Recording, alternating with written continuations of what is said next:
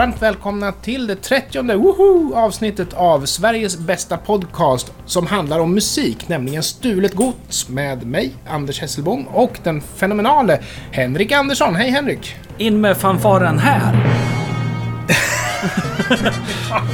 Utmärkt! Utmärkt! Du, 30 avsnitt. Skitkul! Ja, Jag, är, jag har alltså 30... eh, Först när vi sa att vi skulle göra det här, då sa du vi gör 20 avsnitt och så ser vi vad som händer. Sen så blev det bonusavsnitt. Och sen sa vi, vi fortsätter bara. Vi fortsätter. Och anledningen till att det blev bonusavsnitt var för att det kom in tips och anledningen till att vi nej vi fortsätter, det är för att det kom in mer tips. Så det är vi oerhört glada för. Tack alla som har bidragit till att den här podcasten har blivit så många avsnitt som den har blivit, 30 stycken. Mm. Och den dag vi slutar så slutar vi inte för att vi har blivit... Ja, det vet vi ju inte. Det är ingen som vet varför Men- vi slutar. Men om det är så att vi slutar så är det så att vi har avhandlat alla viktiga låtstölder. Som det ser ut nu så har vi ju åtminstone... Vi ser ju 10 avsnitt till framför oss. Och sen är det ju alltså avhängigt, inte bara saker som vi hittar utan även alla lyssnarförslagen som kommer in har ju varit en stor del i att, att hjälpa oss att, att ha material till de här programmen. Så därför så är det ju superbra om det kommer in ännu mera förslag om ni vill att programmet ska fortsätta. 12, Henrik. 12. 12. 42. 12. Jag, jag ska inte behöva kunna räkna. Du är den som sköter alla datafilerna. Det är du som sköter den där fjärrkontrollen. Halvbra. Ja, ja, ja, ja, jag är inte, jag är Ja. inte jag, fjärrkontrolls- jag dricker kolan som du tillhandahåller. Ja, men jag känner att jag måste ju släppa hit det. Jag lånar dig från din flickvän, du måste ta fram bilen och krångla. Så Mm. det, det minsta jag kan göra är att se till att det finns bärs respektive öl för den som vill ha det olika. En av de som har hört av sig apropå tips, det är Christian. Mm. Och jag vet inte varför Christian lyssnar på Marillion anno 1994. Jag tänker bara på de här, vad heter de? Eh, Johan Glans och David Batra. Marillion! Men jag menar, Marillion, de hade sin storhetstid när Fish var med på 80-talet. Vad betyder ordet Marillion? Jag vet inte. Det är väl säkert någon blomma eller krydda eller Fjäril eller något något. fjompigt säkert. Och Marillion, de är ju alltså hemskt duktiga musiker, men jag tycker inte riktigt att de lyckades reparera skadan av att Fish hoppade av bandet. Därför att sången har sedan dess varit ett svagt kort. Och vi ska faktiskt inte lyssna på så mycket sång nu, utan det vi ska lyssna på det är introt på en låt från 1994 som heter Alone Again in the Lap of Luxury med Marillion och den låter så här. Igen så tror jag att hårdrockare kanske kommer att reagera.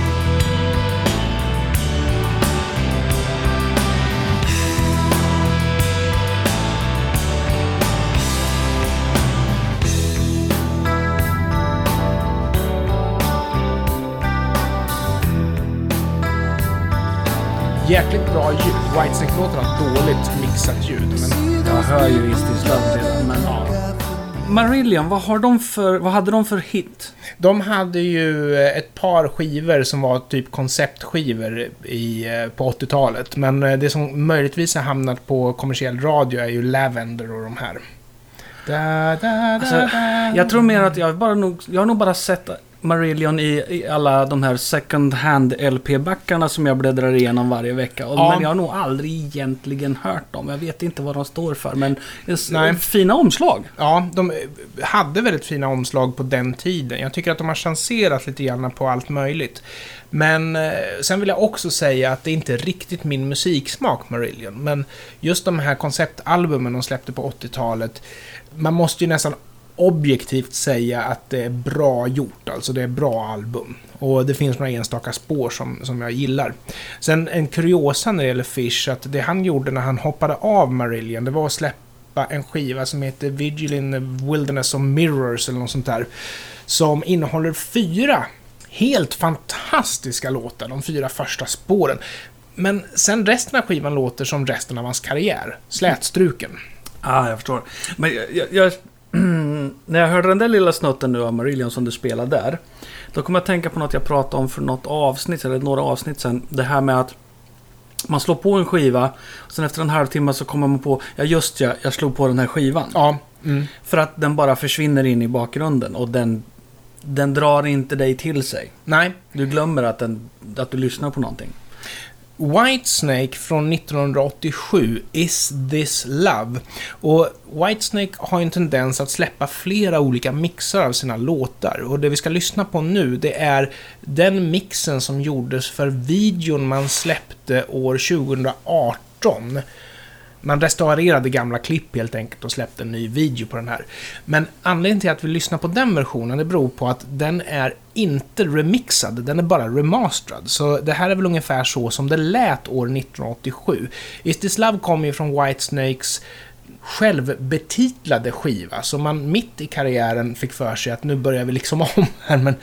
Det är får... det coolaste tror jag, när, när, när de folk släpper självbetitlade skivan sen. Ja, exakt, exakt. Och jag tror att det kan bero på att de hade bytt en hel del medlemmar i bandet och mot slutet av 80-talet så började Whitesnake verkligen bli ett band. För under 70-talet så var det ju faktiskt i ärlighetens namn David Coverdale och en massa studiomusiker.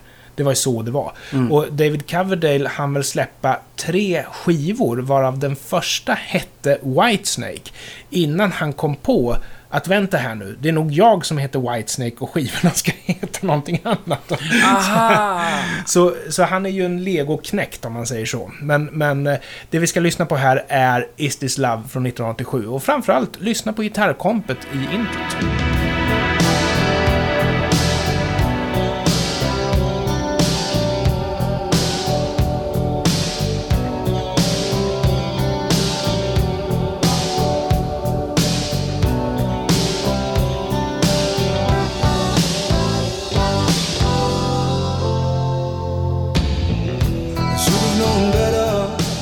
Så här ser vi ju alltså en, helt klart en likhet, men den största skillnaden skulle väl kunna vara att Whitesnakes sångare kan sjunga. Till skillnad från Marillions sångare. Ja, nej, eh, Marillion gör sig ju skyldiga till en, en nästan rak stöld här. Ja, jag tycker att Marillion har gjort det bättre. Ehm, Det är bättre ljud, men det är samma gitarrplock som ligger på det här lugna introt. Marillions är bättre producerad och sådär. Marillion gör det bättre, men framförallt Whitesnake gjorde det först. Jag tycker att det här är ett så episkt Whitesnake-intro, så varför ska man... Nej, Det finns...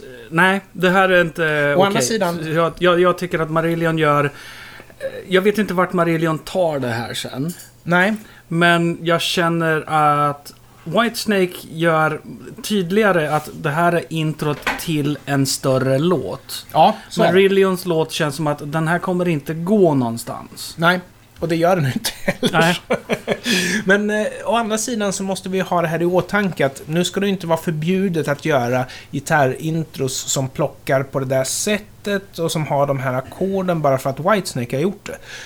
Men i det totala så var det för likt, så Ja. därför vill jag fälla ändå. Ja, Så jag uppmanar att ni som-. Ni som är intresserade av den här ackordföljden och det här gitarrplocket, gör någonting annat utav det än att göra Is This Love igen. Spelar det baklänges kanske? Spela det baklänges, ändra, ha ett annat gitarrplock, ett annat sound. Och det lustiga är ju att den här remixen som Whitesnake släppte år 2017, som jag valde att inte ta med, då är de ju ännu mera lika. Men å andra sidan så lig- ligger ett gitarrpålägg ovanpå en lead, som för det första inte är så speciellt bra. Jag tror att det är någonting som man valde bort i den eh, slutmixen 1987, som 2017 av någon anledning lyckades komma tillbaka. Mm. Det finns några sådana här stories. Jag kommer ihåg att eh, Roger Waters släppte ett helt gudabenådat bra album som hette Amused to Death. Och eh, det var en sån här grej att den hade gått till press och de satt på genomlyssning och sen så när en viss del på en viss låt eh, skulle komma så säger Roddy Waters att Åh, lyssna på det här gitarrsolot. Och sen så säger producenten, ja men det är inte med. Det tog vi ju bort. Det tog vi ju bort. Men tog ni bort det? Så det slutade faktiskt med att han släppte den igen. Mm. Eh, några år senare. Och han hade väl inte Han ändrat... grämde sig över det där Ja. varje dag. För det var två grejer han grämde sig... Eller tre grejer han grämde sig med på den där skivan. För det första var det att den där solot var bortmixat. Det andra, det var att han hade använt samplingar ifrån filmen 2001 av Stanley Kubrick. Mm. Olovandes. Och Ja. för att komma undan med det så spelade han upp dem baklänges på skivan. Men nu hade han fått rättigheterna till dem, så nu Ja, fick han med dem fram, framlänges då på den här eh, nya versionen. Ja. Och det sista var det att han har inte ändrat soundet någonting på den, utan eh, ljudet på skivan är liksom fortfarande detsamma. För han ville släppa den så nära som han ville ha den från början, för att han tyckte helt enkelt att den fick för dåligt med uppmärksamhet. Och han släppte ju den här skivan när Pink Floyd var ute och turnerade liksom, så han, han var ju lite grann förföljd av sina gamla demoner, så han, han hamnade ju lite grann i skymundan där av Pink Floyd då. Mm, jag förstår det. Och det där var ju någonting han sa, att liksom han sitter och spelar på en halvfull aula för, för 2000 personer. Medan Pink Floyd är ute och spelar hans låtar för 25 000 människor åt gången liksom. Ja, nej, men har, även om pengarna rullar in i ett sånt där läge så måste det ändå svida i, i själen. Jag tror att det är inte bra för egot. Nej, det är väl inte det. Nej. Men det här med eh, att man eh, remasterar saker och ger ut dem och de eh, kommer ut på ett annat sätt i andra änden än vad, vad fansen eh, eller Mm. musikerna kanske förväntar sig. Jag vet när Beck, eh, han släppte en skiva som heter Odelay i mitten av 90-talet. Ja. Och sen när man skulle då släppa den remasterade Special Edition vinyl dubbelpack extra specialen på 2000-talet så gick man ju tillbaka då till originaltapesen, mastrade upp den och fixade och alltihopa och så blev det ju ett antal fel. Vissa ljud som inte skulle höras, de hördes alldeles för mycket och eh, alla fansen som hade liksom hårdlyssnat in sig på albumet i originalversionen bara Vad hände nu? Vad var det där för ett ljud? Och så vidare. Ja, men det är därför du, du vill aldrig gå tillbaks till mastertapen. Därför att där har du ju de kanaler som inte ska vara med, ligger ju där. Ja. Och sen var det ju även... Nu ska vi se vilken var jag tänkte på den andra. Jo. När eh, Iggy Pop och eh, David Bowie knarkade som allra värst i Tyskland på 70-talet och spelade in oerhört slarvigt i studion. Eh, då lät det ju som det lät. Och så fick man ju då idén här någon gång på 2000-talet att vänta nu, vi går tillbaks till mastertaperna och sen räddar vi det här. Men det var det ju ingen som ville höra. För det skulle ju låta som om två nerknarkade idioter spelade in jätteilla i en studio i Tyskland på 70-talet. Alltså när det är släppt så är det ju heligt om det är en stor artist. Då kan man inte ändra på det. Exakt, så det var ju ingen som ville ha en gång. Eh, och sen provlyssnade jag på det där och jag så tänkte att jag vet faktiskt inte om jag hörde någon större skillnad. Det kanske var oräddbart. Men sen nämnde du det här med samplingar. Yes! Och eh, du känner ju till Sig Sig Sputnik. Ja, Som hade en singel som heter Love Missile F111. du jag kan inte ens placera det här i tiden, men ja, jag kommer ihåg namnet. Ja, eh, mitten av 80-talet någonstans. Var bland annat med på soundtracket till Fira med Ferris.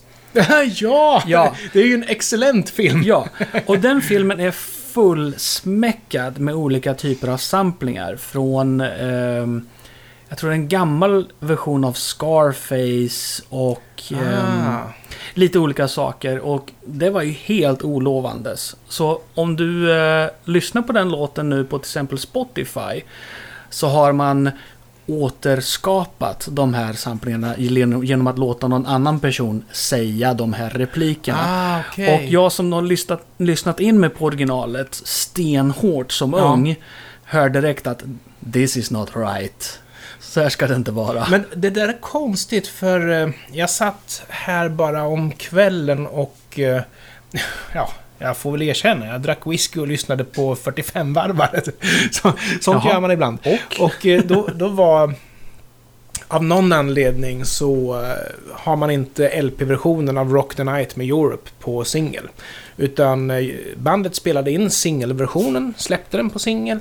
Och sen senare så spelade de in ett album och ville ha låten på albumet, så spelade de in den för albumet också. Och den låten som vi hör på radio med jämna mellanrum, det är ju albumversionen av Rock the Night. Så när man slår på den här 45-varvan och fan spelar de annorlunda här? Och varför wailar han inte sådär där? Man blir så här, Nej, det, det går inte. Men nu så här i efterhand så kan man ju tycka att det är jättekul att ha de här två inspelningarna. Ja, ja, sånt är alltid kul. Och så kan man sitta där och bara, vilken ska jag köra nu då? Hmm. Och så kan, man, så kan man dra sig lite i skägget så här. Och, Sånt tycker jag är underbart. liksom. Ja, absolut. Nej, ska, jag ta, ska jag ta den här nypressen eller ska jag kanske lyssna på CD-utgåvan från eh, 1982? Sånt är alltid kul, att sitta för sig själv och låtsas vara lite finsmakare så här.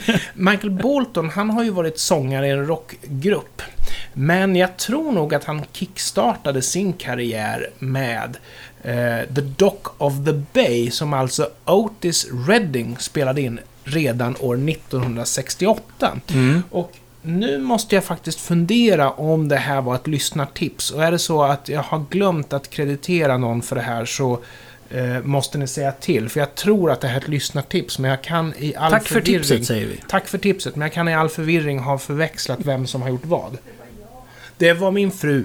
Då så, tack så mycket. Så Det här var ett lyssnartips. ja, då, då, hon lyssnar inte på podden, hon lyssnar ju bara på inspelningen när den görs. Men den låter så här, Otis Redding. Yeah, I'm sitting on the dock of the bay, watching the tide roll away. Sitting on the dock of the bay, wasting time. I left my Ja, för å ena sidan så har han ju gjort någonting eget av den. Å andra sidan så vill man ju helst inte att Michael Bolton ska göra någonting alls inom musik. Men ja, vi, vi tar den på en gång. Ja. 1987, eh, The Dock of the Bay med Michael Bolton.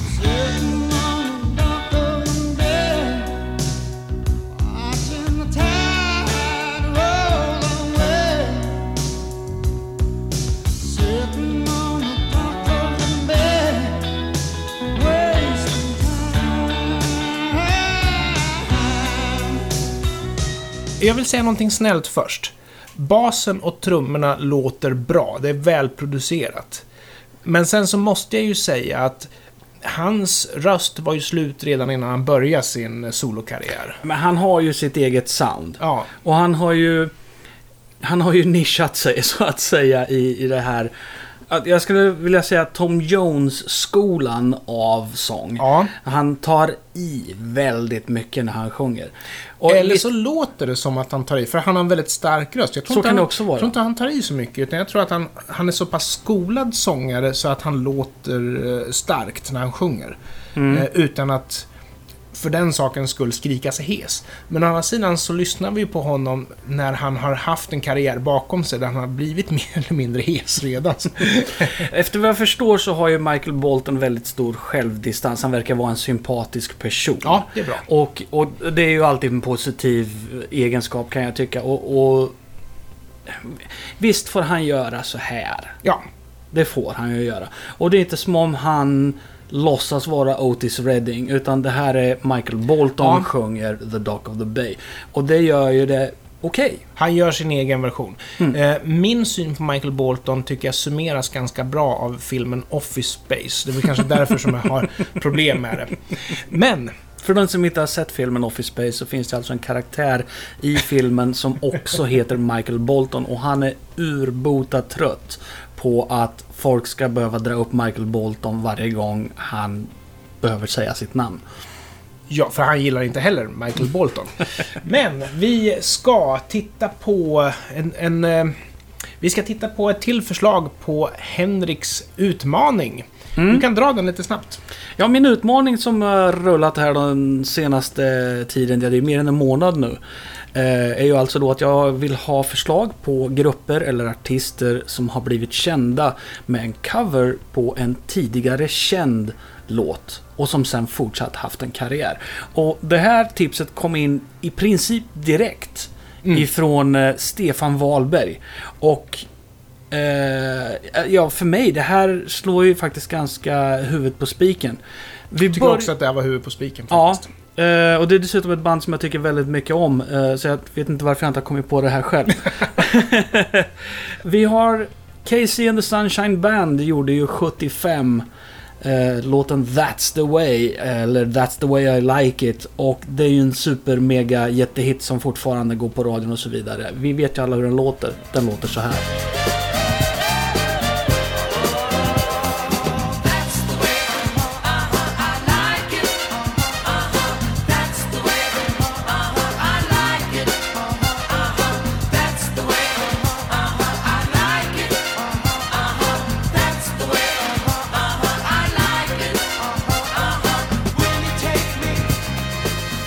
Vara så att Dead or Alives eh, version har hamnat lite grann i skymundan?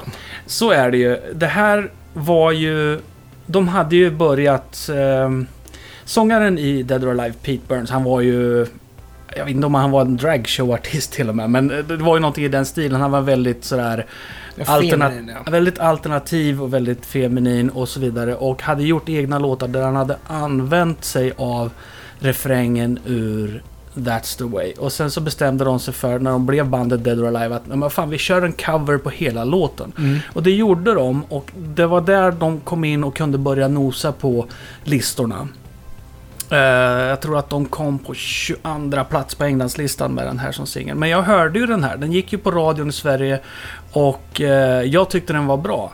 Och efter att de hade blivit liksom allmänheten eller musikbranschen eller vad man nu ska säga noterade att Dead or Alive finns. Då kunde de ju släppa sina egna låtar som till exempel You Spin Me Around Like a Record. Ja, och, och jag vill bara säga att deras egna låtar var ju ofta skrivna av Stockaken och Waterman. Stockaken Waterman Men, Deluxe. men det var ju för dem. Och Ja. dessutom skrev de ju faktiskt sina egna låtar också. Precis, och det var ju starten på en rad listetter för dem. Så att jag tycker definitivt att det här faller in under, kvalificerar in under mina kriterier. De hade That's the way, den blev populär Ja. och sen fortsatte de att ha antal hits. Ja, så klockrent. Det som jag skulle vilja säga om eh, deras version av That's the way från 1984, det är för det första att det, den är ju ett bedårande barn av sin tid. Den låter ju så rätt 1984 som man kan låta. Och det är en ganska avancerad produktion, speciellt med tanke på att det var just 1984. Så uppenbarligen så skulle den här drag-snubben... Det här är ju gay-disco. Ja, han gillade väl att sitta och blippa på sin dator för det är extremt noggrant gjort det här. Stelt. Eller Ja, noggrant. Ja, stelt och noggrant. Ah. Där, eh, alltså det, det är eh, nästan lite grann som Rob Hubbard jobbar. Att, att han fyller ut varenda millimeter med något vettigt Ja, men, innehåll. ja, precis. Rob Hubbard, den, klassiska Commodore 64-kompositören, jobbade ofta med att han loopade korta bitar av, av en låt och sen fyllde han på med detaljer hit och dit och sen Mm. den här sektionen är klar bra, nu loopar jag nästa sektion. Ja, så det, man hör att det finns ett uppenbart eh, teknikintresse när det gäller moderna maskiner. Och på den här tiden så var det inte datorerna själva som spelade sina samplingar utan det var ju speciella enheter som hette samplers som man kopplade in via, ja, typ protomidi midi eller midi eller någonting sånt där. Och det andra som, jag, som slog mig var att eh, för att kunna spela upp den här, jag har den tyvärr inte på skiva utan jag tog den ifrån eh, YouTube. Eh, det var som en eh, Olivia Newton-John, Let's Get Physical, fast serious stuff. Det var, det var så mycket brudar, så, men det störde ju inte mig. Den låter så här.